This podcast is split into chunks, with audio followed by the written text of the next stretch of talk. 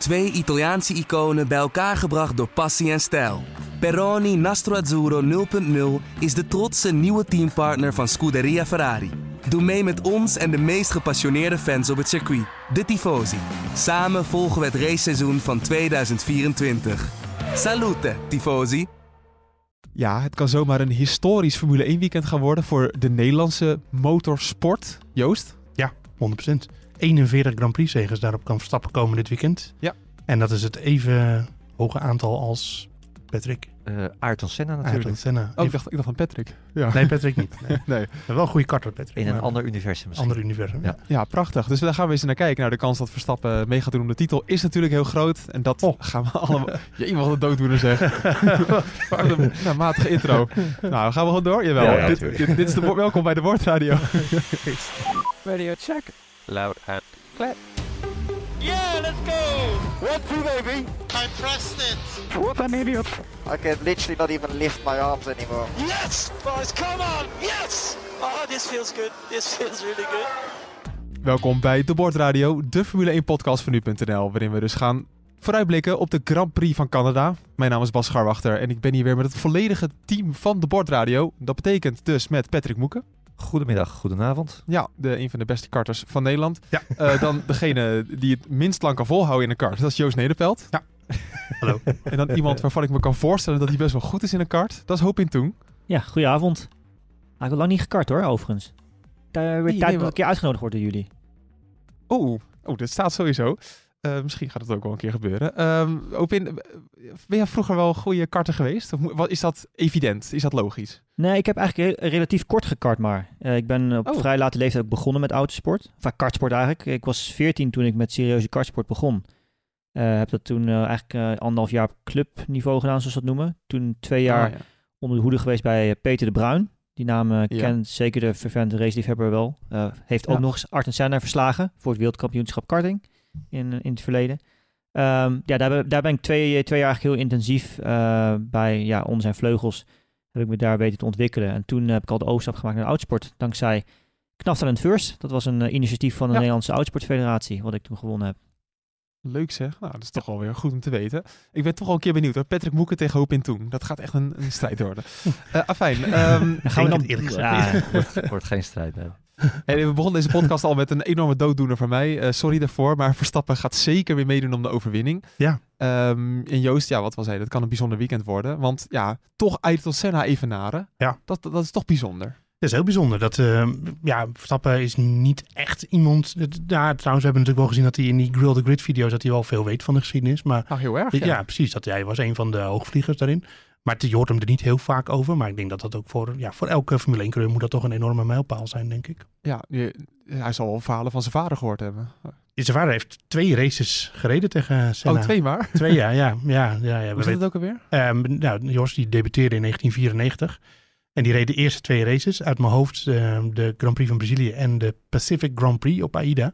Eh, die won Senna trouwens allebei niet. Jos ook niet. En nou ja, de derde Grand Prix was eh, San Marino. Oh, het was En- al de derde kampioen. Ja, dus toen eh, was het eh, afgelopen met Senna helaas. En toen Jammer, stond Ja. Leto toch ook weer aan de start, in plaats van Verstappen? Ja, klopt ja. Jos eh, reed niet in dat eh gitzwarte weekend in Imola. Nou, ik zou bijna zeggen, misschien wel goed ook. Ja, ik zou dat weekend ook heel graag gemist hebben als coureur, denk ik. eh Ja, was een ramp, rampenweekend. Ja, we gaan het daar allemaal over hebben, Moeke. Want ja, ehm, de, de vergelijking tussen Verstappen en Senna, die is al vanaf het begin een beetje gemaakt, hè? Eigenlijk al toen hij in de sport kwam. Ja, ook eh, op, op meerdere facetten. Hè. Niet alleen qua race, agressief allebei, hè, in, in de goede zin van het woord. Hm. Eh, die, die, die anekdote of die quote van Senna hoor je ook altijd terugkomen. Over van, eh, if you no longer go for a cap, you're not longer a racing driver. Hè. Dat ook, wordt altijd aangehaald. Volgens mij Verstappen die ooit een keertje zelf aangehaald. Eh, ja, de gelijkenissen zijn treffend. Senna moet ik wel zeggen, die was in Brazilië echt nog wel groter. Ik ben vorig jaar natuurlijk in Sao Paulo geweest. Nou, dat is echt niet normaal. Dat heb ik toen ook al verteld. Maar dat is niet normaal hoe groot Senna daar nog is. Nog is. Je hebt echt voor je gevoel rijden wel tien keer eh, door dezelfde Senna-tunnel. Maar er zijn gewoon tien Senna-tunnels daar. En een Senna-stadion en een Senna-weg. En eh, ja, noem het allemaal maar op. En zo groot is Verstappen nog niet in, in Nederland. Ehm, maar ja, dat, dat komt misschien Nee, ook door, ja. Die, ja, door die mythische status die Senna heeft gekregen. Die ook veel meer deed dan alleen Formule 1-coureur zijn. Je hoorde daar toen ook heel veel geluiden. eh, dat als Senna gewoon nog verder had geleefd, die was waarschijnlijk gewoon wel president van, eh, van eh, Brazilië Dat geworden. kan in dat soort landen, ja. Ja. Ja. Romario is toch ook, eh, en zit er in, het- in de regering daar, of in ieder geval die zit in de, in de Tweede Kamer van Brazilië. Oh, is dat zo? Ja. Nou ja, precies. Dus, eh, en Senna die staat daar natuurlijk nog boven. ja. En, eh, maar goed, ja, nee, het is een ongelofelijke prestatie op, op sportief gebied. Eh, dat hadden we natuurlijk, eh, ja, ook weer een dooddoener van mij, maar dat hadden we toch nooit kunnen bedenken. En al helemaal niet hoe snel dat gegaan is, heel Hè? snel. de Ja. afgelopen paar races. Ja, Romario zit, zat in 2010 in ieder geval, zie ik heel, heel snel een nieuwsbericht dat hij in het parlement van het land zat. Ja. En, ja, grappig wel. Eh hoop in, eh, kijk, ehm, we, we kennen Verstappen nu super goed, hè, dus heel veel mensen kunnen dit zelf ook wel invullen. Maar kan je toch iets noemen aan Verstappen dat jou doet denken aan, eh aan Ayrton Senna? Ehm, ja, een beetje wat, wat Joost en Patrick ook al net zeiden. De manier van rijden ook, hè? De manier van aanvallend rijden ook. Eh, het gevoel met de auto. Eh, ik denk dat heel veel mensen onboardbeelden zich kunnen herinneren van Senna bijvoorbeeld op Suzuka eh, in Monaco. En dat zijn natuurlijk echt, als je dat goed bekijkt, eh, het gevoel wat hij met de auto heeft. eh, de reflexen ook, gewoon een natuurlijke gevoel waar, hoe hij de grip aanvoelt, waar het wel is, waar het niet is. Ehm, ja, dat, dat is iets wat je bij Verstappen ook terugziet natuurlijk op een, bepaalde manier. En ik denk dat dat, dat dat de reden is dat vanaf het begin af aan ook veel mensen die vergelijking hebben gemaakt. Dat ja, iedereen kan zich waarschijnlijk wel die race heugen ook in Brazilië, hè, in de regen, waar hij toen echt natuurlijk volledig andere lijnen reed eh, dan andere coureurs. Ehm, dat is iets wat echt een ontzettend ja, een gaaf is natuurlijk, wat hij, wat hij heeft. Dat is in zekere zin wel ontwikkeld, maar dat is ook gewoon natuurlijk talent. En ja, dat, dat is een, hele mooie overeenkomst. Ja, Verstappen staat sowieso nog steeds wel echt in een mooi rijtje. hè, Want eh, Verstappen heeft 40 overwinningen in de Formule 1. Ayrton Senna dus 41. En daarboven staan alleen nog maar grootheden als Alan Prost, eh 51 zegens. Sebastian Vettel, 53. Ja, dan eh Michael Schumacher met 91. En Lewis Hamilton met 103. 103, ja. 103. Ja, is nog steeds meer dan, welk, dan alle andere huidige coureurs bij elkaar opgeteld. Hè? Dus eh, om nog maar eventjes... eh, Statuur van Hamilton. eh, ja, ja. dat is toch Ja. eh, even... zullen niet alle Nederlandse fans leuk vinden, maar dat is toch wel goed om te zeggen. Hamilton is Nee, een maar- hele, hele groot ook.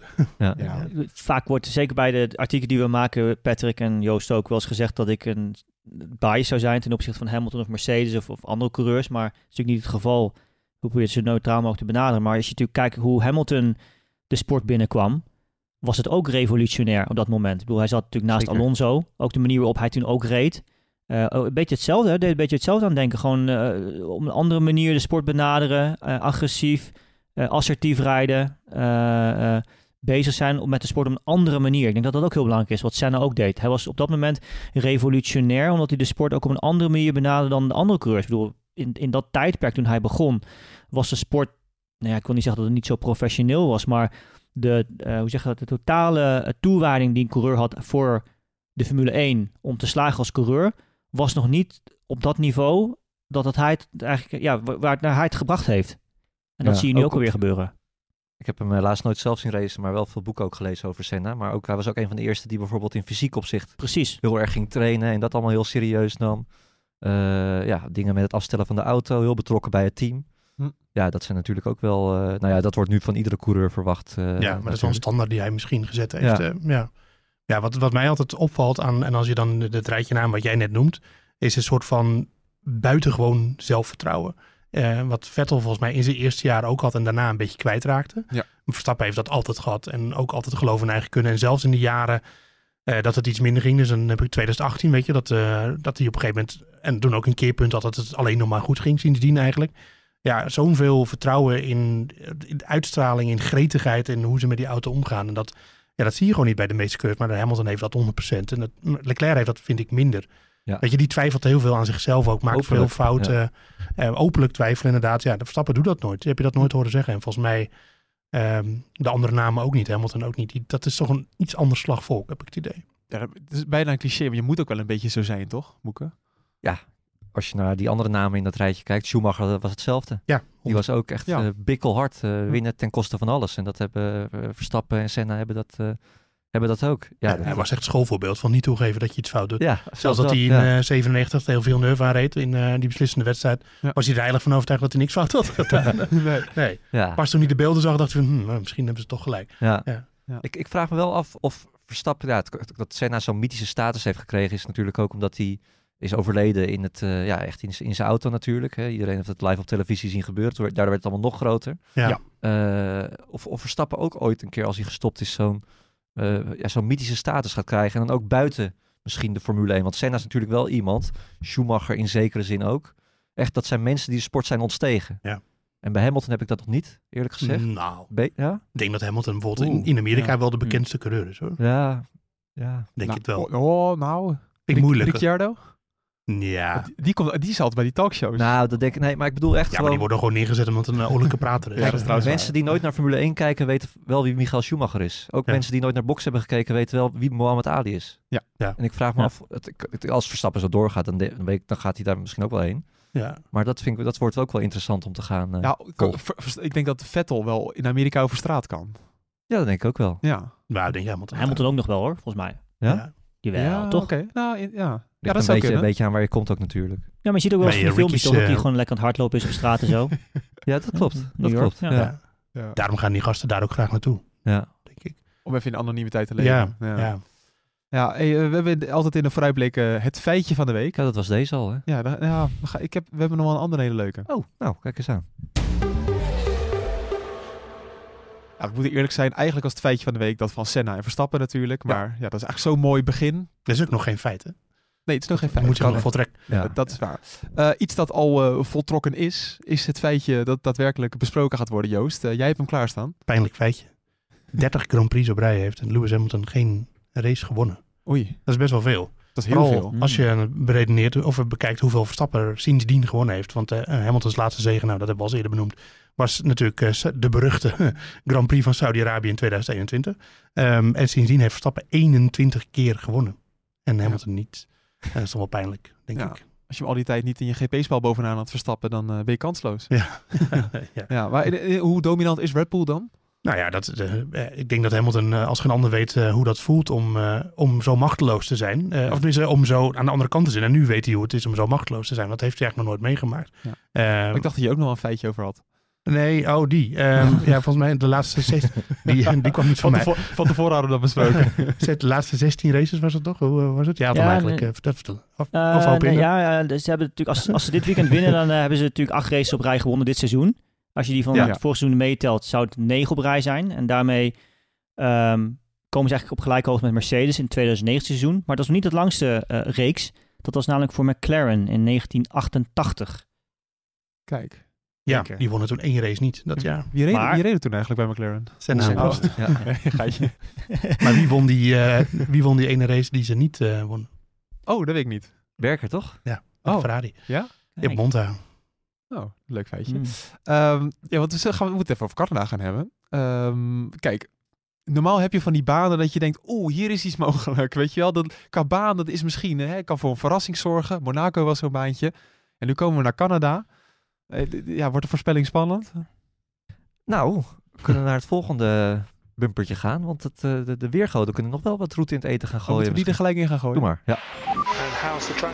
Wet. You winters are wet. I think we should go to the garage. Can you stay out on this condition? Yes! Race has been suspended. It's a good decision.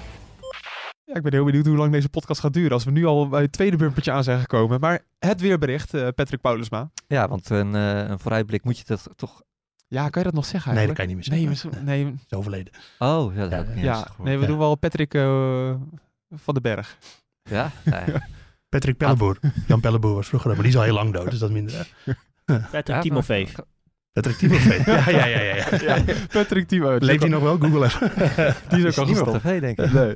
Nee, Patrick is Timo, wel- vertel. Eh, nou, het wordt, ik hoop dat Joost die gaat zo meteen het vliegtuig in natuurlijk, eh, als eh, morgen. Ja. En eh, ja, dat die, eh de regenjas moet toch ingepakt zijn. Wat dan? Want eh, het, is, het is wel een beetje ver van tevoren, maar we, we- vorige keer klopt het ook redelijk in, in Spanje. De laatste tijd klopt het, eh, klopt het goed van onze vrienden van Weerplaza. Ja. Eh, vrijdag 85% k- kans op regen, zaterdag 90% kans op regen en zondag 65% kans op regen. Oh. En het zijn allemaal buien, dus, eh, maar wel met een behoorlijke intensiteit. 6 tot eh, 7 mm per dag. Ja. Dus eh, daar word je nat van. Ja, Maar Ja. ja. Nou, morgen was dat ook wel zo. ja, maar hoop in, we willen toch ook buien zien. Kijk, regen is wel leuk en dan krijg je een hele natte race. Maar een bui is toch het allermooiste in de Formule 1? Ja, nou dat brengt natuurlijk een behoorlijke onvoorspelbaarheid in de race. En een Ja. moment waarop je gaat wisselen naar regenbanden. Ik bedoel, daardoor was zelfs Monaco nog spannend uiteindelijk. ja. Toch? Eh, en, Ja, ja, en, dat gaat zeker. En zeker op dit circuit hier. We hebben in het verleden al veel races gezien in Montreal. waar de regen eh, met buien een grote rol heeft gespeeld. En ja, dat lijkt wel of een soort van trademark op zit op dat circuit. De- Daardoor worden de races heel erg lang vaak ook. Maar ook omdat het het, het, het type van het circuit, hè? het is natuurlijk niet een permanent circuit. eigenlijk. Het loopt door een soort van park heen. Je hebt ook muren om de baan heen. Dus foutje wordt ook snel afgestraft. Net als op een echt straatcircuit. Dus eh, nee, ja, laat maar komen. Heb jij er ooit geraced, hoop in? Nee, ik heb er helaas nooit geraced. Ik ben wel Nee. een paar keer geweest. Eh, Formule 1, IndyCar, Jamcar zelfs ook nog een keer eh, wezen kijken als toeschouwer bij een team. Ehm, Leuk. Maar helaas niet kunnen rijden. Nee. Gaaf Lijkt het je nou een leuk... eh, Ja, toch wel, hè? Ja, Want eh, ja. ook op... Hè, daar gaan we weer, Joost. Met de Formule 1 game is het ook een hartstikke leuke baan. Maar een Formule 1 game is toch een prima referentie voor mensen zoals wij om te kijken of een baan leuk spelletje van jullie. Echt, En die, eh, en die komt, eh, het is geen reclame, maar die komt over twee dagen komt die uit. Oké. Ja, ja, prachtig. Eh, Formule, Formule 1 2023. Maar eh, het, dit is wel een leuk baantje. We we hopen, wat maakt het voor een coureur nou toch uitdagend? Want uiteindelijk draait het toch wel om dat hele lange DRS-stuk. Nou ja, dat is vol gas. Daar kan je niet zoveel om doen, mee doen natuurlijk. Als coureur zijn het toch? Nee, qua inhalen, ja. Ja, voor inhalen, dat wel natuurlijk. Nee, daar heb je gelijk in. Maar als coureur zijnde, eh, het, ja, er zijn meer... Ik denk dat het een beetje dat het een mix is ook van veel verschillende bochten. Je hebt eh, eh, natuurlijk het stuk eh, eh, sector 2 tussen die muren door. Wat heel gaaf is. Dat Ja. geeft altijd een enorme ja, snelheidssensatie. Eh blinde bochten zitten er ook in. Die chicanes die zijn heel erg uitdagend. eh, met hoge curbstones. Waar je echt precies op een goede eigenlijk hoek die curbstones moet raken ook. Want je auto springt er toch, ja, toch ook wel behoorlijk van af. Ehm, ja, en dan ja, de laatste bocht, precies hetzelfde hebt. Dan als je een hele goede ronde hebt gereden, zeker in de kwalificatie. Dat is, dat is een beetje mentaal voor een coureur. Je komt dan aan bij dat laatste rempunt. Je hebt dat hele lange stuk. Dan kan je dat hele lange stuk kan je nadenken, waar ga ik wel of niet net wat later remmen dan de vorige ronde. En dan, dan doe je dat. En dan moet je natuurlijk ook nog, wanneer ga je die rem loslaten om zo hard mogelijk over die curbstones daar te lanceren. En dan maar ja, bidden dat hij eigenlijk niet de muur in schiet. Ehm, daarbij het uitkomen van die laatste bocht. Het is, het is echt een, eh, ja, het is een gaaf circuit en waar je ook gewoon met risico ehm, veel tijd kan pakken. dit we moeten toch weer heel even terug naar de Formule 1 game. Maar ik zeg het toch gewoon, ik, maar dit is, dan wil ik dat even checken met de, de echte wereld. Oh ja. je, je hebt namelijk van die, vorige keer hadden we Spanje, daar zat die chicane in. En nu heb je die chicane aan het eind van het rechtstuk, zeg maar, eh, voor start-finish. in. En ik wil weten of, dat, of dat nou ook hebben. Maar ik heb dan, ben ik dat aan het racen, zo'n circuit. En dan zie ik elke ronde zie ik weer op tegen die chicane. Of tegen, omdat het gewoon moeilijk is, zeg maar. Heb, je, heb je dat als coureur dan ook op in? Dat je dan sommige circuits elke ronde weer een punt hebt waar je van denkt, nou, dit is wel echt een klote punt. Nou, dit is wel een, een punt dat je, als je, je, je komt altijd de chicane wel door. Alleen het moment van insturen, het moment van de rem loslaten eh, en de hoek waarmee je hem dan ook daadwerkelijk raakt. Die eerste, vooral de eerste curbstone, want dat bepaalt natuurlijk ook hoe je de tweede curbstone aan de linkerkant dan weer raakt bij de laatste combinatie. Eh, ja, dat is echt wel even een moment dat je soms even je adem inhoudt van... "Huh?" En dan, dat bepaalt ook, ja, het is natuurlijk echt een, een, een momentopname, een reflex haast van hoeveel snelheid, hoe snel je die rem dan ook weer loslaat. Je hebt dat instuurmoment en dan, ja, komt hij wel of niet goed uit uiteindelijk. Ja, je hebt Dus, natuurlijk eh, circuits die hebben helemaal niet zo'n punt. Die zijn wat makkelijker, denk ik dan. Maar ja, Nou ja, die, die- je ziet wel het circuits waar, waar gewoon wat meer variatie is. En ook in de zin van, zoals wat ik zei, dit wat typerend is aan Montreal is dat je dus, zeker met de huidige auto's waarvan we weten dat die dus een stuk stijver zijn dan in het verleden. eh, ja, die, die, die hoge curbstones daar, die zijn er toch ook op een bepaalde manier om te voorkomen dat mensen te veel gaan afsnijden. Ja, en als je die te veel nu meepakt, dan ja, dat heeft echt wel behoorlijk effect op die auto's natuurlijk. Ja, wie horen we in eh, Monaco wel zeggen dat zijn auto niet zo goed is over eh, hoge curbstones? Verstappen. Ik Ja. zeg, dus daarmee gaan ze niet de race niet winnen, want dat gaat Verstappen natuurlijk gewoon gebeuren. Maar ehm, ja, dat is het enige puntje waarvan ik denk, nou dat is niet ideaal aan dit circuit voor de, de Red Bull. Ja, en zeker niet als hij dan over die curbstones raakt van die chicane. En dan knalt hij misschien wel de Wall of Champions in. ja, maar, Eigenlijk is hij natuurlijk geen grote kampioen als het dat niet gelukt is. Hè? ja, maar die is toch ook een beetje gehyped, vind ik hoor, die Wolf Al Champions. heel lang geleden dat er volgens mij een kampioen Ja. stond. Volgens mij ze blijven er nu ook best wel ver van, eh, vanaf. Ja, maar hij, hij kwam toch door. Ja, ik heb het vanmiddag opgezocht. 1999. Schumacher stond er toen in. Ja, en, En, en en, Villeneuve. Villeneuve en Hill. En volgens mij. Damon Hill, ja. Ja. Alle drie. Daardoor is die bijnaam gekomen. Ik heb het rijtje wel nog even gevonden. Daarna hebben we nog Jensen Button gehad. Ja, Ook al was het 2005. dus Eh, toen was hij nog geen kampioen. Nee, precies. Ja, zit- ik kwam En te Vettel heeft er ook in toen... En Vettel 2011. Was, ja, daar was ik bij. Ja. En ook in de kwalificatie, toch? Een paar jaar geleden. Ja, dat was Carlos Sainz. Ja. Ook een groot kampioen. Maar dan junior. En eh, volgens mij vorig jaar eh, stond Magnussen Ja, Die, ja, die raakte hem eh, best wel hard. Ja. De kans dat Kevin Magnussen ooit kampioen wordt. Ja, dat moment, en dat mooie is, dat, dat moment, weet je, bij, als je dus instuurt voor die eerste knik naar rechts, Hè, dus weet je al of je hem gaat raken of niet gaat raken in principe. Ja. Omdat je dus weet, als je, ja, dat hangt precies af van hoe je de hoek, hoe, hoe je die curbstones raakt in welke hoek. En als je dan natuurlijk die eerste verkeerd raakt, kom je bij de tweede aan de linkerkant verkeerd uit. En ja, dan word je gelanceerd en dan is het eh, einde verhaal. Ja, ja volgen jullie trouwens het, eh, het aanrader, het, eh, de Grand Prix van Canada op TikTok? nee. Nou, daar hebben ze toch nog van de week een, eh, een ander punt aangestipt, namelijk de bosmarmot. Is de bosman. Het circuit is Oh. bezaaid met bosmarmotten, eh, in ieder geval nog een week geleden. Dat, Hm. eh, Maar dat hebben we wel vaker gezien. Ja, ja, ja. ja, die is daar. En die schijnt ook beschermd te zijn, dus ze mogen die ook niet, eh, niet gaan afknallen. Hm. Ja, in Zandvoort maakt zich zo- druk om de zandhagedis en hier eh, de bosmarmot. Ja. Dat kan nog wat Maar worden. dat is best wel, best wel gevaarlijk. Maar, maar dat doet me denken aan Le Mans van afgelopen weekend. Ja. Zeker. En Nummer eekhoorn. acht eh, Toyota. dat- Ja, die raakte een eekhoorn. Ja, lullig ja, zo werkt de natuur, hè, helaas. Eh, ja, hij stak zo. was geen zebrapad daar en hij stak over. eh, of zij misschien, weet ik niet. Ja. En eh, dat eh, was Ja. schade aan de auto. Verstappen dus de grote favoriet. Ehm, het is wel een stratencircuitje, dus dan kunnen we kunnen toch nog wel weer rekening houden met, eh, met Sergio Perez moeken. Of is, dit, Nee, eh, is dit niet echt een stratencircuitje? Jawel. Moeten we die nou blijven benoemen? Ja. Ja, ik, weet, ik, ja. ik, ik was eh, die zaterdag of vrijdag, ik weet niet meer, in Barcelona hadden we een persmoment met eh Perez. En eh, je merkte al, in Miami was dat ook. Toen was het echt nog volgepakt. Hè. Toen was, had hij net Baku gewonnen en iedereen was zo enthousiast. En wordt het echt een titelstrijd dit jaar. En nu, nou, nu zaten we met z'n vieren, met z'n vijven om Checo heen. En toen kreeg je weer van een Britse, ik vraag het al niet eens meer, van een Britse journalist. Nou, eh, geloof je er eigenlijk zelf nog in dat je wereldkampioen kan worden? ja. En dus begon hij weer doodleuk te vertellen. Hij zegt, ja, nou ja, eh, Max en ik zijn gewoon aan elkaar gewaagd. Hè. Dus, eh, soms is hij iets sneller, soms ben ik iets sneller. En nou, we moesten allemaal nog net niet onze lach inhouden. Maar dat is natuurlijk, ja, en dan weer zo'n weekend, zo'n fout in de kwalificatie waarbij hij eraf schiet. Nee, Ja. ik denk dat hij zich, ja, nee, nee. Het gaat gewoon weer een halve seconde op Verstappen zijn, denk Ja. ik. Want dat, dat hebben we de vorige keer niet benoemd in de podcast. Maar wat het beste illustreerde eigenlijk hoe matig hij Perez die zondag reed. Was dat Russell achter hem startte met een mindere auto en toch op het podium kwam en, Ja. en Perez niet. Moet je nagaan, Ja, ja. dus dat eh, was En- Russell dan heel goed of was Perez gewoon niet zo Maar goed? het, het pijnlijke vind ik ook, dat, en dat zag je echt ook wel na afloop in Barcelona, dat ze het bij Red Bull al een beetje beginnen te verbloemen. Omdat ze al zeggen, nou, hij heeft gewoon een goede race gereden, vierde geëindigd. Terwijl een dag ervoor, dat heb ik wel gezegd ook vorige keer, vroeg ik het aan Max, ja, wat verwacht je nou van Checo morgen? En die zegt, ja, dat moet in principe een makkelijke P2 worden. Ja. Dus eh, ja. En, er Zeker op Barcelona. Jawel, maar dat... dat Nee, nee, ik ja, zeg er zeker zijn- op Barcelona wel. Toch Oh, wel. zo, sorry. Daar- Oh, oh, ja. Eh, ik dacht dat je zei, het blijft wel Barcelona. Boeken laat nooit een kans onbenut om jawel te zeggen. Oh, nee, nee. Ja, maakt niet uit. Nee, joh, nee zeker. Ja, dus, en, en dat vind, begin ik ook wel een beetje pijnlijk te begin, te- begin ik dat te vinden. Dat ze nu het al, dat ze al iets goeds gaan vinden aan Checo, wat eigenlijk gewoon helemaal niet goed is. Om hem maar een beetje. Ja, maar de- dat, zie je natuurlijk heel vaak bij dominante teams die dan een mindere tweede coureur hebben. Dan wordt de tweede coureur moet toch een beetje gemotiveerd blijven en wordt toch altijd een beetje opgeheven. Want dat heb je bij Bottas natuurlijk ook jarenlang Ja. gezien.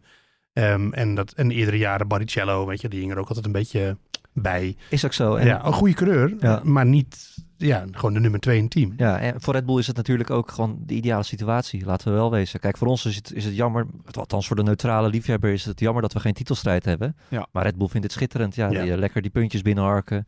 Ja, toch zou het ook wel leuk zijn als je iemand naast Verstappen zou hebben. Ik van de week eh, toevallig ook op TikTok gezien. Hè, dat Lando Norris ging eh, jetskiën. En dat was dan op de jetski van Verstappen. Oh ja. Hadden mensen helemaal uitgezocht. Nou goed, ten eerste zijn logo erop staan. Maar ook nog eens hetzelfde kenteken en alles erop. Inteken. Ja, Of een jetski. Ja, zoiets. Er is een soort een nummer op. Net Een als bij boot zo, ja. natuurlijk ook. Ja, een Oh, soort zo. code, ja.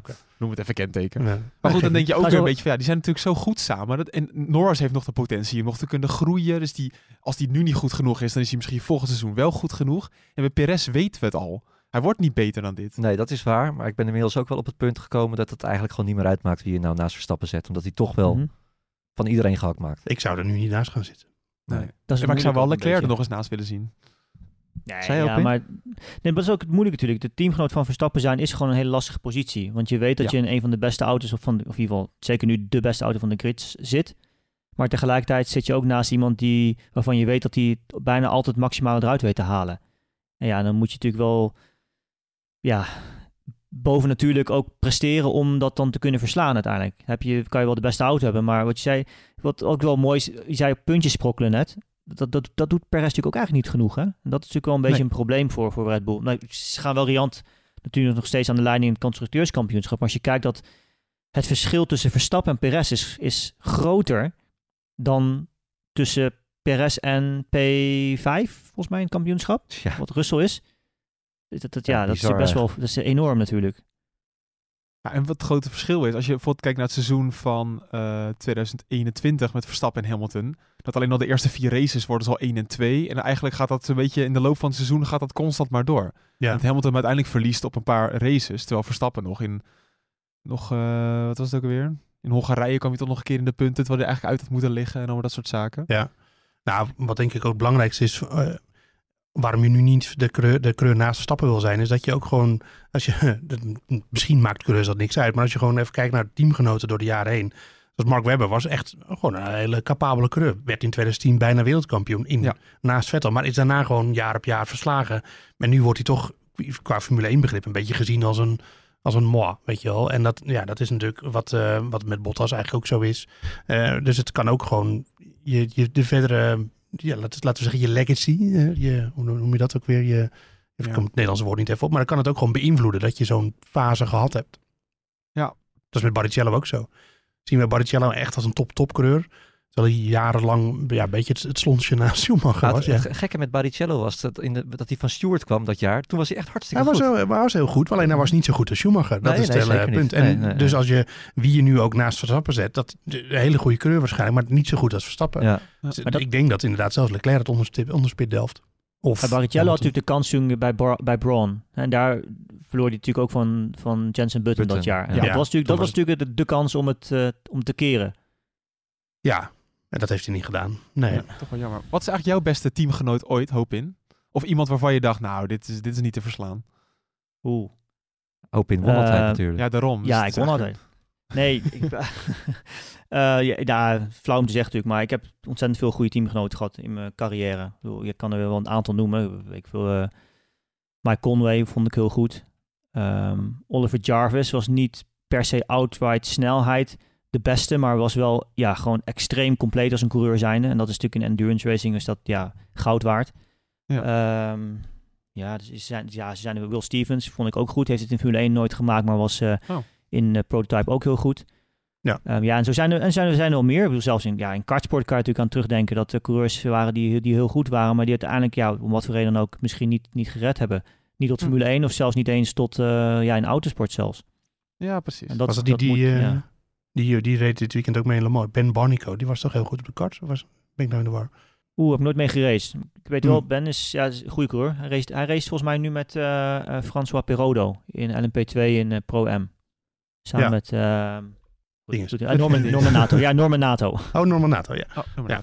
Oké. Ehm, ja, we hebben dan eh, de situatie van Red Bull. Kijk, de grote favoriet. Dat hebben we nu al voor de zesde keer gezegd. Wat komt daar nou achter, Joost? Want we hebben een heel goed Mercedes gezien in Spanje. Ja. Is dit nou zo'n zo'n baan waarvan je denkt, dit kunnen ze doorzetten? Nee, denk het niet per se. Ik denk dat ze relatief minder zijn dan in Spanje ten opzichte van eh, Ferrari en Aston Martin. Omdat ja, ze hebben nog best wel veel last van drag. Dat heeft Aston Martin ook, dus een hoop luchtweerstand. Ja, dat is toch wel iets wat je op, eh, in Canada niet per se wil. Ehm, en we hebben, vorig, we hebben vorig jaar gewoon gezien dat Barcelona ook eigenlijk relatief hun beste ski was. En dat proberen ze nu ook wel een beetje te benadrukken van laat je niet misleiden door één hele goede race. Ze staan natuurlijk iets beter voor dan vorig jaar, maar ook weer niet heel veel beter. Ehm, dus ik denk dat dat gewoon per circuit gaat wisselen. Dat Aston Martin dan weer goed is, dan weer eh, Ferrari, dan weer, eh, nou ja, Alpine zal zich daar niet in mengen en dan weer Mercedes. En ja, vorig jaar was Ferrari hier wel heel goed. En zij hebben op zich gewoon redelijke topsnelheid. Dus ik denk dat Ferrari hier relatief weer beter is. Ja, Moeke, waar hoop jij op? Eh, Fernando Alonso, toch Jawel, wel. Ja, ja, ja. Ik heb er ook gaat tweede. Ja, kwalificatie. klopt. Die was al goed vorig jaar hier. En eh, ik heb er ook Oh ja. nog lang over nagedacht hoe het nou kwam, dat gedoe met Stroll in Spanje. En ik, ik, ik- we weten natuurlijk allemaal, ik ben even door gaan denken, hè, Alonso doet nooit iets niet bewust. Er zit altijd iets achter. En nu ook weer. Hij reed rondes lang. En het, eh, dat had ik niet gezien. Maar dat, hij zat rondes lang. Zat hij wel een beetje te zwaaien naar het publiek. Achter, achter Lens. En hij zegt, nou, ik ga hem niet aanvallen hoor. Dat eh, boeit me allemaal niet. en eh, we hebben natuurlijk ook al die opmerkingen gezien. Over dat hij op het scherm mee zat kijken naar Lens. Het, hij behandelt handelt hem echt als een soort schooljongetje. Ja. En ik ben nu op het punt gekomen dat ik denk Oh. dat Alonso een statement wil maken. Om te laten zien hoe slecht Lens Stroll is. Is dat het? Het, hij, is hem, hij is hem onbewust zo ontzettend erg aan het vernederen. Dat het echt heel erg pijnlijk begint te worden. Ja, ik zie wel wat je zegt. Ja. Ah. Gewoon, want hij kan er, hij, hij zegt, nou, ik ga hem niet inhalen. En hij zegt, ja, ik, ik was helemaal niet zoveel sneller, een 1 of 2 tiende. Terwijl iedereen kon zien dat hij gewoon een volle seconde per ronde sneller was, hoe hij hoe Ja. dat gat eh, Ja. aan het dicht, dichtrijden was. Ik denk dat hij Ah. gewoon onbewust een soort statement aan het maken is. Ja, dat is- Nou, is wel iets wat je van Alonso kan verwachten. Ja. Ja. Ja, als zelfs Joost al zegt van dit zou nog kunnen bij Ja, een hij was- complotje van jou. Hij, je moet maar opzoeken. Hij was letterlijk aan het zwaaien naar het publiek tien rondjes voor Ja. het einde zo. En, en Hamilton, of, eh, Alonso is iemand die echt heel erg talent... eh, zo- daarom is hij ook zo'n bewonderaar van Verstappen. Ja, En dan is ja, Lance Stroll is alles wat contra is aan, aan Daarom. wat, wat Alonso leuk vindt. nee, dus dat is wel iets om in de gaten. Ik, ja, ik, ik, ik zou niet weten waarom hij het anders had eh, gedaan. Het ja. Opin, wat vind jij hiervan? Ja, ik, ik zit te denken wat zijn voordeel erbij is. Nou ja, het met team onder druk zetten. Misschien dat hij eh, intern wel... Kijk, als Aston Martin echt een, to- een topteam wil worden, wat ze kunnen gaan zijn in de toekomst, dan heb je wel twee topcoureurs nodig. Ja, maar dat gaat En dan zal maar Lawrence dat toch een keertje afscheid moeten nemen van Lens. Is dat, is dat zo? Kijk naar andere teams, Ja. in het verleden ook. Kijk Ja, naar dat- Ferrari, kijk het naar niet. Mercedes, kijk naar Red Bull.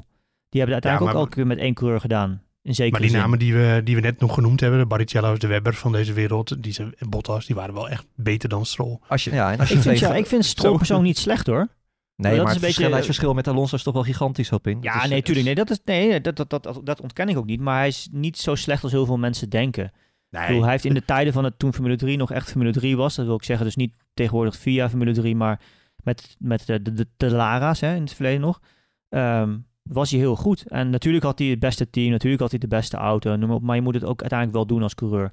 En dat is een beetje inherent aan de sport. En ja, het, het komt er misschien niet uit. En natuurlijk is dat hij het volledig wordt overklast door Alonso. En als je wellicht iemand anders in die auto zet, als bijvoorbeeld een Lando Norris of zo noem maar op, dan eh, krijgt Alonso het weer lastig.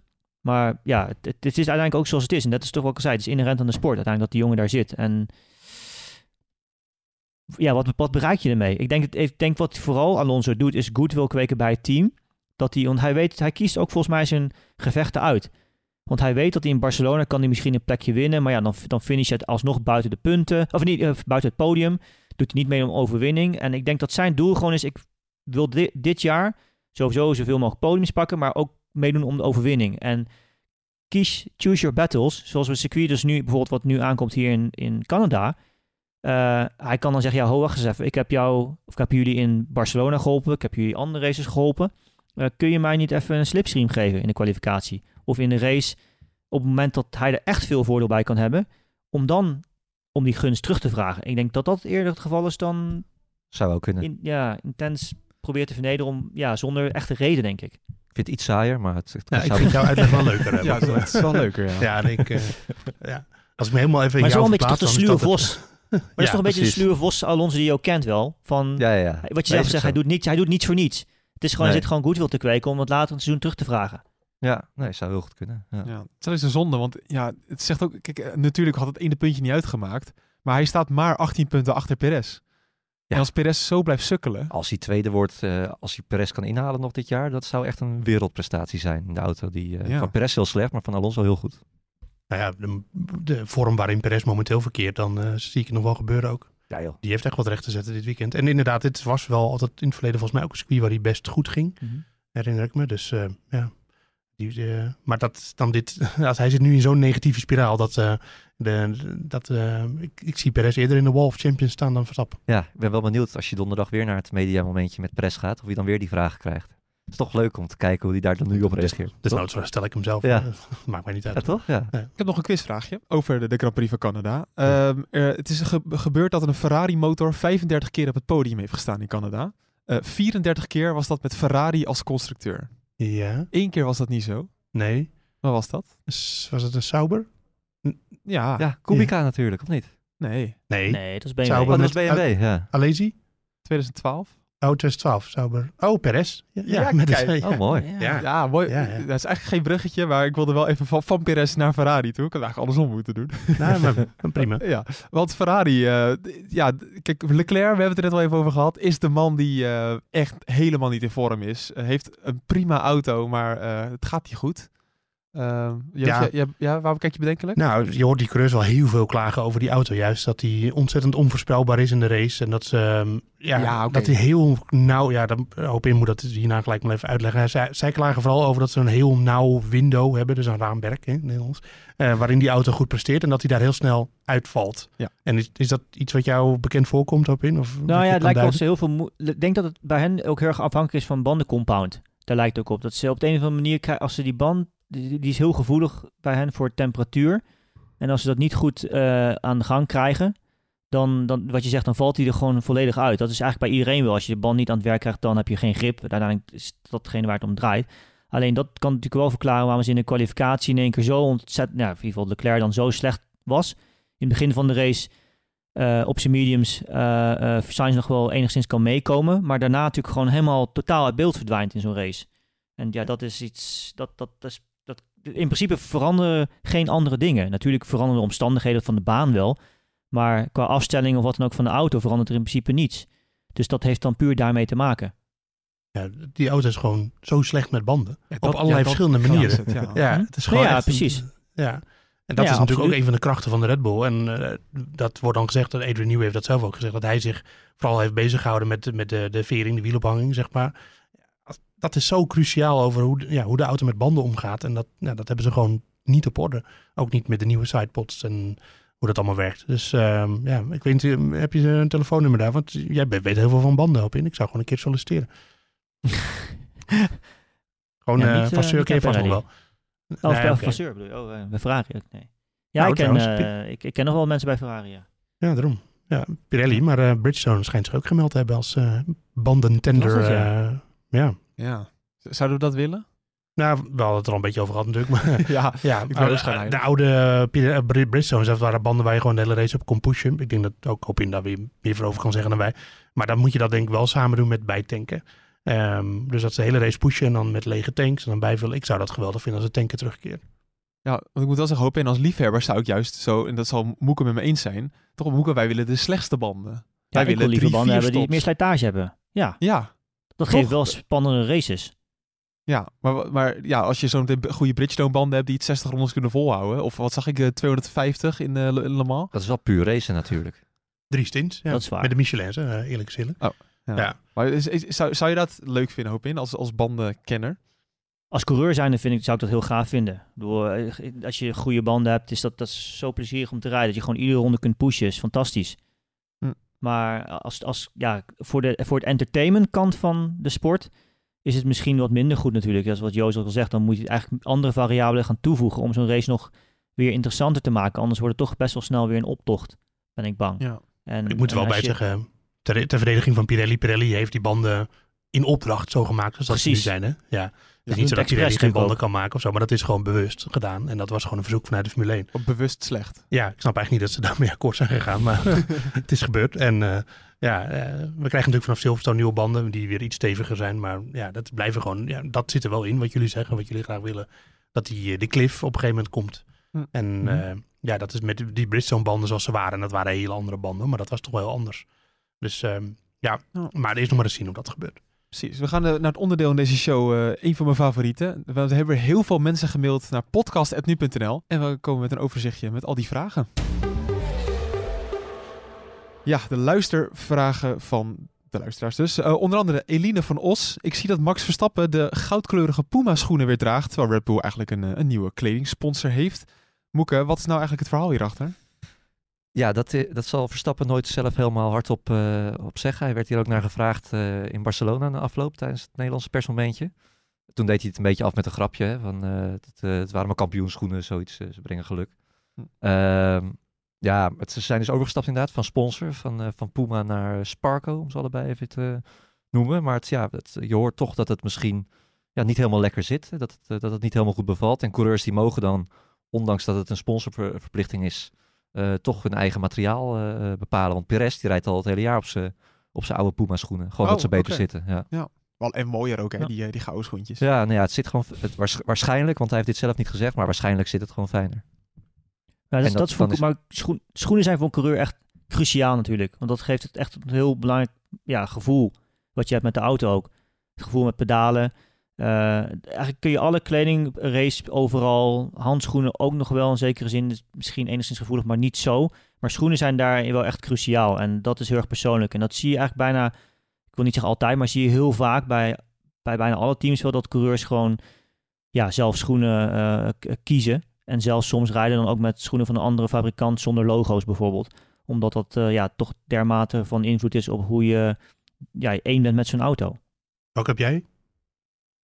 Ik rij altijd met Alpine Star. Ik heb overigens ook Puma schoenen hoor. En wat eigenlijk wat Puma, wat heel interessant is aan die Puma schoenen, die zijn extreem zacht. Die zijn heel dun, super super dun. Eh, de hele structuur, de zijkant heel slap zijn ze aan de zijkant eigenlijk ook. En de zool is extreem dun. Dus je kunt, die gaan, ze gaan ook heel, heel niet lang mee. In principe na één race moet je ze vernieuwen. Ehm, Maar ja, het is, het is heel erg persoonlijk. Ik bedoel, de ene coureur vindt het juist prettiger om een iets dikkere zool te hebben. De andere kan daar totaal niet mee rijden. Eh, dat, ja, dat ik zei, het is gewoon heel erg persoonlijk. En da- daarom is het ook zo dat niet iedere fabrikant ieder type schoen even goed kan maken.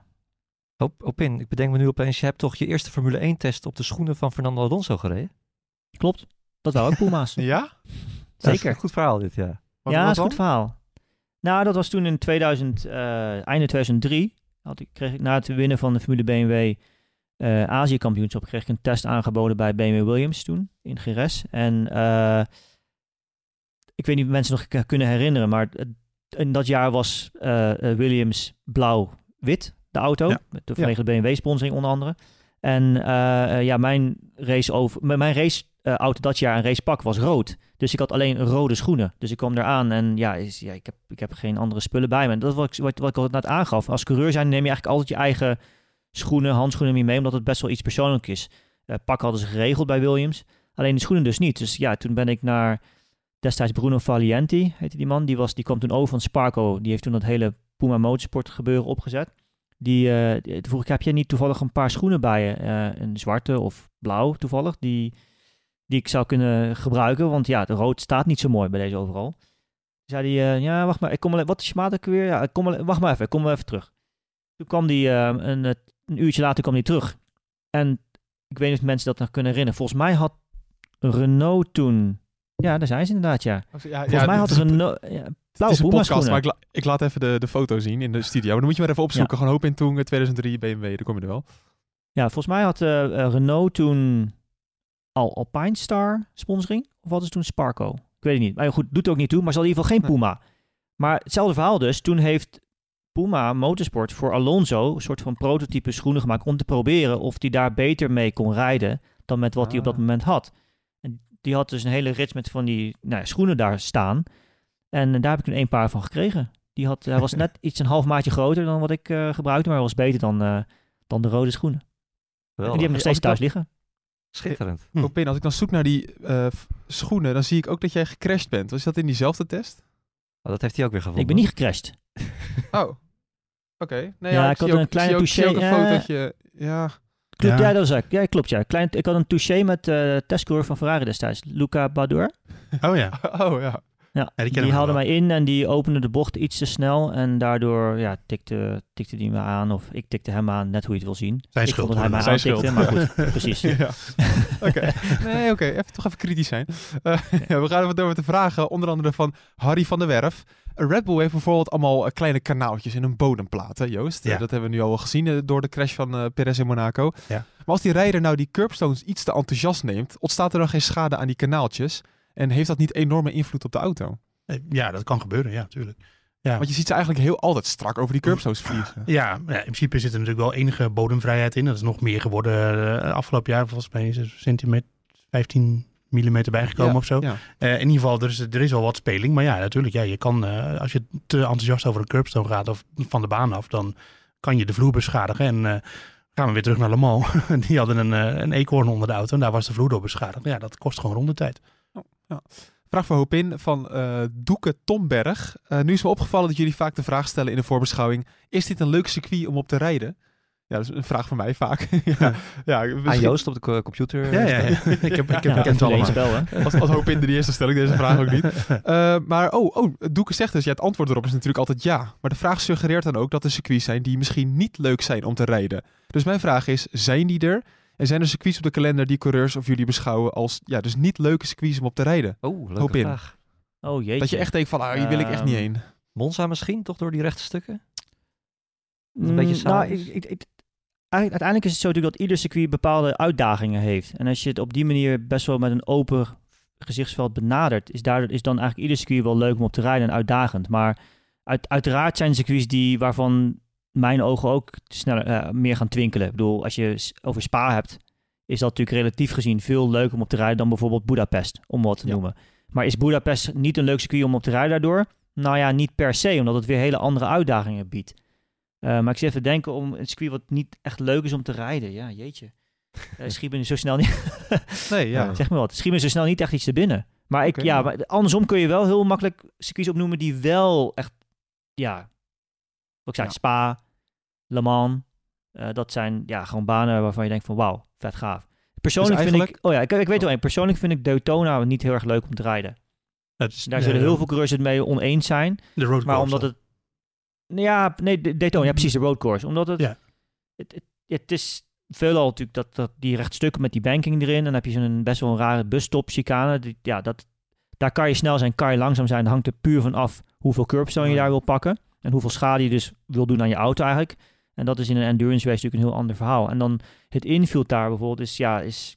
Het asfalt is relatief slechte kwaliteit. Dat heb je natuurlijk wel vaak op Amerikaanse circuits. Eh, twee horseshoes, zoals we noemen die bochten. Ehm, die zijn relatief gelijk, lijkt het wel. Ja, vond ik persoonlijk niet zo'n leuk circuit. Maar nogmaals, ook dat biedt wel weer bepaalde uitdagingen. Vraag van eh, Robert Evers. Eh, Moeke, waar houden de teams op de paddock zich nou bezig in die circa 23 uur voor de race als de auto's in Park Vermee staan? Oh, dat is eh, alles analyseren, eh, rijdersbriefings. Nou, die rijders die hebben soms toch ook wel eh, sponsordingetjes tussendoor. Ja. Analyseren, analyseren, dat vooral, ja. Ja, want het is eigenlijk, hij zegt ook, ja, behalve het bepalen van de bandenstrategie, dat is natuurlijk het belangrijkste. Maar ja. het zijn eigenlijk best wel rustige uurtjes als je niks meer kan doen. Nou, ze Denk zitten ik. nooit helemaal stil. Het is ook veel schakelen met de fabriek natuurlijk, wat, het er allemaal, wat er nog gespeeld kan worden. Want ja, je mag nog wel kleine dingetjes aan de afstelling veranderen natuurlijk. Hm, Ja. ja, dat vooral. Ja, je krijgt altijd zo'n lijst zondagochtend met wat er allemaal vervangen is op auto's. Want ze kunnen nog altijd onderdelen vervangen voor, gelijk, voor dezelfde specificatie. Ja. En dan zie je die lijst toch best altijd wel redelijk lang. Dus ze komen altijd allemaal nog wel even aan de auto. Oh, toch, ze zijn toch wel aan het werk. Ja, en, eh, Ja. maar inderdaad, niet zo heel veel. Dat zijn natuurlijk wel kleine ingrepen. Eh, tenzij bijvoorbeeld mm, bij Leclerc afgelopen van zaterdag op zondag hebben ze gewoon de hele achterkant van de auto nog vervangen. Eh, dus Ja. ja. ja. Maar het is wel door, door die parkvermee-regels is het wel voor de teams en de monteurs een stuk gemakkelijker geworden. Ze hebben veel meer vrije tijd dan ze voorheen hadden. Ze kunnen nu echt op een normale tijd eigenlijk gewoon van het circuit weg. Kunnen een normale eh, nachtrust pakken ook. En dat was voorheen natuurlijk wel echt anders. Wanneer zijn die eigenlijk ingevoerd? Weet je? Ja, eh, tien jaar terug of zo, zoiets. Weet ik Oké. niet precies. Ja. Ja, voorheen had je gewoon dat ze op eh, vrijdag, zaterdag en zondag gewoon een andere motor gebruikt.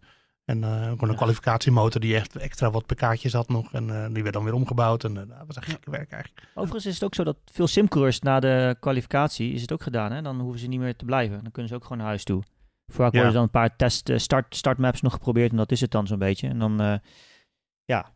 Dus het, het is wel echt die eerste twee dagen voor alle analyse en, en het werk achter de schermen. Zijn wel echt cruciaal natuurlijk. En daarna is het natuurlijk gewoon optimaliseren voor de race. Deze rubriek ehm, kan niet door als we geen vragen hebben gehad van Niek Gremme. Jawel, onze grote vriend. Die is gewoon weer binnen hoor. Ik ga hem toch even aan hoop invragen. De coureurs laten altijd de toeren best hoog oplopen om weg te komen. Hoe kan het dan dat er weinig wielspin bij een auto is? Want hij zegt, ja, traction control is toch verboden? Eh, nou ja, nee, laat ze toeren hoog opkomen. Als je goed kijkt, ook als je onboard hebt bij een start, eh, de shift lights, dus de lampjes op het stuur waar de coureurs naar kijken om te schakelen, daar Ja. zit vaak een soort van range in. Dus daar heb je bepaalde lampjes die gaan aan en een coureur weet precies in welk gedeelte die lampjes aan moeten. Dus in het midden van het stuur dat vaak. Eh, dan weet je dat het op het juiste toerental zit en dan weet je ook hoe je de koppeling moet gebruiken. En dan als je op dat, op dat moment dan de koppeling loslaat, als ehm, het licht uitgaat en je houdt de gaspedaalstand op dat moment hetzelfde, dan heeft de motor dus precies genoeg eh torque, eh, of hoe zeg je het, koppel, trekkracht, zoals je het Ja, noemt, koppel. Ja. ehm, om, om, om te accelereren zonder wielspin. En dat Ja. is natuurlijk iets, hetgene wat, je, wat men ook in de simulator probeert. Dat is ook hetgene wat men vaak doet met het wegrijden van de grid proefstarts die, die men doet. Om dat dan te bepalen. Hoeveel grip heeft het asfalt? Hoe, eh, ja, dat heeft daar allemaal mee te maken natuurlijk. En, en dat toerental is eigenlijk altijd...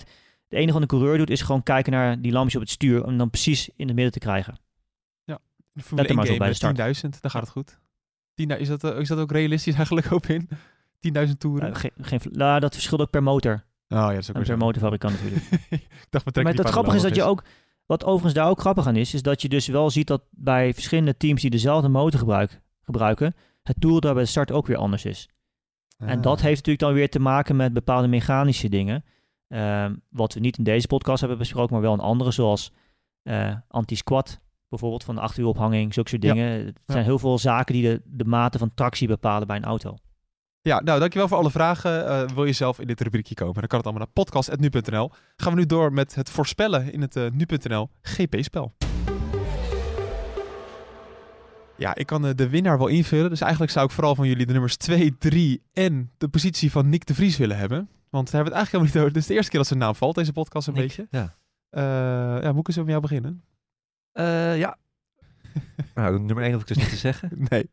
Eh, Uh, Alonso- Tenzij je iemand anders wil hoor. Maar Ja, dat- nee, ja, Nou, ik vind het toch wel leuk dat je Lance Stroll op nummer 1 zet deze. Thuis race, hè? Hartstikke leuk. Ja, oh ja, ze thuis. Oh ja. ja, ja, ja, ja, Ja, precies. ja. Waar is de Latifi-tribune gebleven? Ja, hij eh, volgens mij heeft hij wel een eh, soort eh, tribune. eh, Ja, ja, die, die staat bij die... ehm, ja, ik weet niet hoe die bocht heet. Oké, nou ja. Bocht 5, 6. Oh, ja. Mensen zullen wel betaald krijgen om daar te zitten. Hij is daar ooit een keer zelf gecrashed voor die tribune. Dat ging wel nobel. Toen ging Krijg je wel waar voor je geld. Toen kwam hij tegen die muur aan aan de linkerkant. Dus schoof Ja. hij zo eh, er doorheen. Hij wilde Ja. wat souvenirs meegeven aan mensen. Ja. Ja. Brokstukken. Ja, dat, doet- dat doet Verstappen niet, die, eh, die ego. Die wint maar gewoon. Ja, die ja, kreeg niet voor zijn eigen tribune. Ja, triest. Stroll Nee. doet dat gewoon. Ja. Dat is commitment. Hè? Alonso wordt tweede. Zo. Eh, en Hamilton derde, toch weer. Ja. En Perez die... eh, Nee, gaat weer niet goed komen. Oké, ik ik denk dat ga het gaat weer uitvallen of wat dan ook. Het is, Ja. En eh Niek eh, P12. Oké, Joost? Ja, ehm als we beginnen met de Vries. Ik denk dat de, de AlphaTauri best wel de hoge topsnelheid heeft. Wel, dat hij best wel eens goed zou kunnen gaan. Dus ik zeg, zet Nick op de elfde plaats. Net niet. ja, het is lullig, maar dat is toch Heel een beetje... verhaal. Dus hij gaat heel goed en dan wordt hij alsnog Nou, dat is relatief goed voor hem tegenwoordig. Dat is zo eerlijk moeten we zijn. Ja, ja, Als je kijkt naar zijn resultaten tot nu toe, dan Ja. zo dicht is hij er niet bij. Een stapje voor stapje. Het is natuurlijk wel zo. Kijk, zeker Alpine maakt echt stappen dit seizoen. Dus Ja. dan, en- Alphatauri stiekem ook wel. jawel, maar dan heb je dus... En als dan McLaren ook nog een beetje er tussendoor zit, dan is die top 4... Ja, top 10 McLaren gaat hier echt niet goed zijn. Dat kan Nee, ik je wel zeggen. Nee, dat denk ik ook niet. Ja. Die hebben zoveel drag. Ja. Die hebben gewoon een, een rechtopstaande garagedeur een beetje op de auto. Dat is echt ongelooflijk. Dat, dat ding eh, komt echt niet vooruit in de rechte lijn. Dus daar zitten ze voor. Ja, maar ik zat wel nog te denken dat top 10, dat betekent dus dat je al beter, dat je al in de buurt van de top 4 teams moet zitten. Ja. Dan zijn al acht posities vergeven. En dan heb je eigenlijk Alpine en McLaren. En dan, dan Moet je ja, hopen op wat gekkigheid. Ja. Ja. en dan op een goede dag zit er een Alfa Romeo voor. En op Ja. een goede dag zit er een Haas voor. Eh, en wie hebben nog meer? Eh, op een hele goede dag zit er een Williams voor. Die zou, Ja. Trouwens, die hebben natuurlijk geen downforce. Dus die gaan hier ook wel goed waarschijnlijk. Nou ja, in de kwalificatie sowieso. Ja, dus dan, ja, dan, ben je al, dan is het zo moeilijk om in de punten te komen. De- inderdaad, wat je zegt, als je Red Bull, eh, Ferrari, Mercedes, eh, Aston Martin en Alpine, dat zijn tien auto's. En dat Ja. zijn de punten. ja, daarom. Ja, en natuurlijk, die komen niet allemaal aan de finish, maar altijd. Maar ja, dus het is heel moeilijk. Kijk, het enige probleem is dat, en daar, daarom zijn we steeds met Nick de Vries er zo mee bezig. Yuki is het wel al twee keer gelukt. En eigenlijk in Barcelona... Is het hem ook gelukt? Ja, wij het- tellen dat gewoon mee. Ja, het is niet gelukt, maar ook weer wel. Ja. Dijk van de race gereden. Ja, dus, dus Ja. Dat, daar moeten we ook een beetje naar kijken. Ja. En dat doen we ook. Maar dan is elfde gewoon eh, mijn voorspelling. Ja. En, en dan eh, zet ik hem in op, ik ga mee met Moeken, Perez. Eh, die zit niet in zijn goede in zijn vorm. Eh, Mhm. Verstappen, Alonso en dan eh, Leclerc. Hoop in? Nou, dan ga ik ook beginnen met Niek. Niek op P12, net als Moeke. En dan Verstappen, Sainz, Alonso. Mooi. Sainz. Sainz was hij vorig jaar ook goed. Hè? Ja, klopt. Die had hij eigenlijk wel kunnen winnen als het niet Sainz Oh, was, ja. want die durft niet in te halen. ja. De Ferrari dit jaar natuurlijk iets meer gefocust op topsnelheid. En zeker Ja. als de omstandigheden zo zijn, eh, zoals Patrick zegt, dat ze wat wisselvallig zijn. Minder warme temperatuur. Baan met iets minder grip. Ja, we hadden daar vorige week over, eh, o- op in, over Sainz en dat hij eh, gewoon een beetje niet echt een durval is in verdedigen en aanvallen. Vind jij dat ook? Of? Hij is zo behouden. Ehm, ja, maar goed, jij hebt, uiteindelijk heb je ook een beetje de auto natuurlijk voor nodig wel. Ja, maar Leclerc die, is, die heeft toch wel een andere rijstijl. eh, dat- Ja, dat is waar. Maar dat, goed, uiteindelijk als je natuurlijk naar de stand kijkt, eh, is het niet zo dat het tot in, in punten of resultaat tot uiting komt. Eigenlijk heeft Sainz het gelijk aan zijn zijde. Moeten we Ja. concluderen. ja. Ja. Oké, Nou, dan wil ik één voorspelling doen. Ik denk dat Nick de Vries eh, veertiende wordt. Oh, dat wat hij al de laatste 100 races is Dat is geworden. eh, op basis van data. Op basis van data. Eigenlijk, jij bent onze data-Duitser. Ja. Dus, Data Duits. Oké, nou we gaan hem afronden. Heb je nou nog vragen voor ons, dan kan het altijd via podcast.nu.nl of via ons Twitter-account @deboardradio.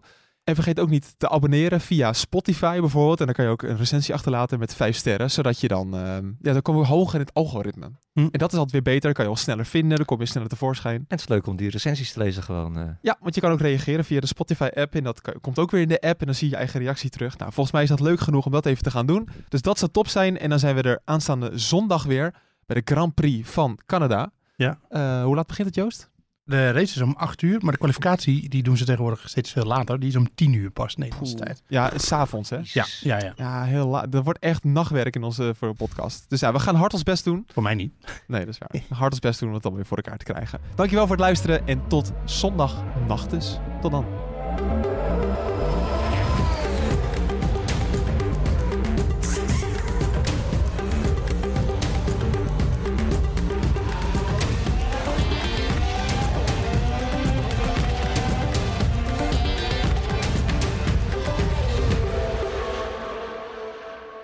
Over eh, regenraces gesproken in, eh, in Canada. Iedereen die denkt natuurlijk meteen aan die race in 2011. Maar kijk vooral ook even die uit 2000 terug. Met Jos. Met Jos. De, de, De, vijfde plaats toch? van-? Oh ja, dat hij met geëxplodeerde remschijf eh, eraf Nee, nee, nee. Nee, dat was, dat dat was een jaar jaar later. Eh, dit was Oh. een waanzinnig... Jos heeft het zelf eens gezegd, was zijn beste race ooit ja, denk ik waarschijnlijk. wel. Ja. Ehm, het begon te regenen. Jos reed met de oranje helm, hè, knaloranje, vanwege het EK dat toen in Nederland was. Nederland Oh, speelde een ja. dag later. Ja. En die, ja, die, die was echt ontketend in de regen. Dat was echt schitterend. Een van de races waardoor ik eh, ja, nog meer van Formule 1 ben gaan houden. Met, welke, Grand, welke, Prix Canada 2000. met welke motor reed hij toen? De Asia Tech, toch? Nee, dat was het jaar later. Oh, wat was dit dan? De Mecachrome, eh, de oude Renault motor. Oh, Oké. ja. Ja. Flavio Briatore's bedrijf, Ja. Ah, toch? Megagroom. Volgens mij wel. Het was doorzetting van de Renault motor. ja, ja. Schitterende auto ook, die Orange Arrows. Ja. Ja. Aanrader. Toch weer even terugkijken. Ja. Twee Italiaanse iconen bij elkaar gebracht door passie en stijl. Peroni Nastro Azzurro 0.0 is de trotse nieuwe teampartner van Scuderia Ferrari. Doe mee met ons en de meest gepassioneerde fans op het circuit, de Tifosi. Samen volgen we het raceseizoen van 2024. Salute, Tifosi!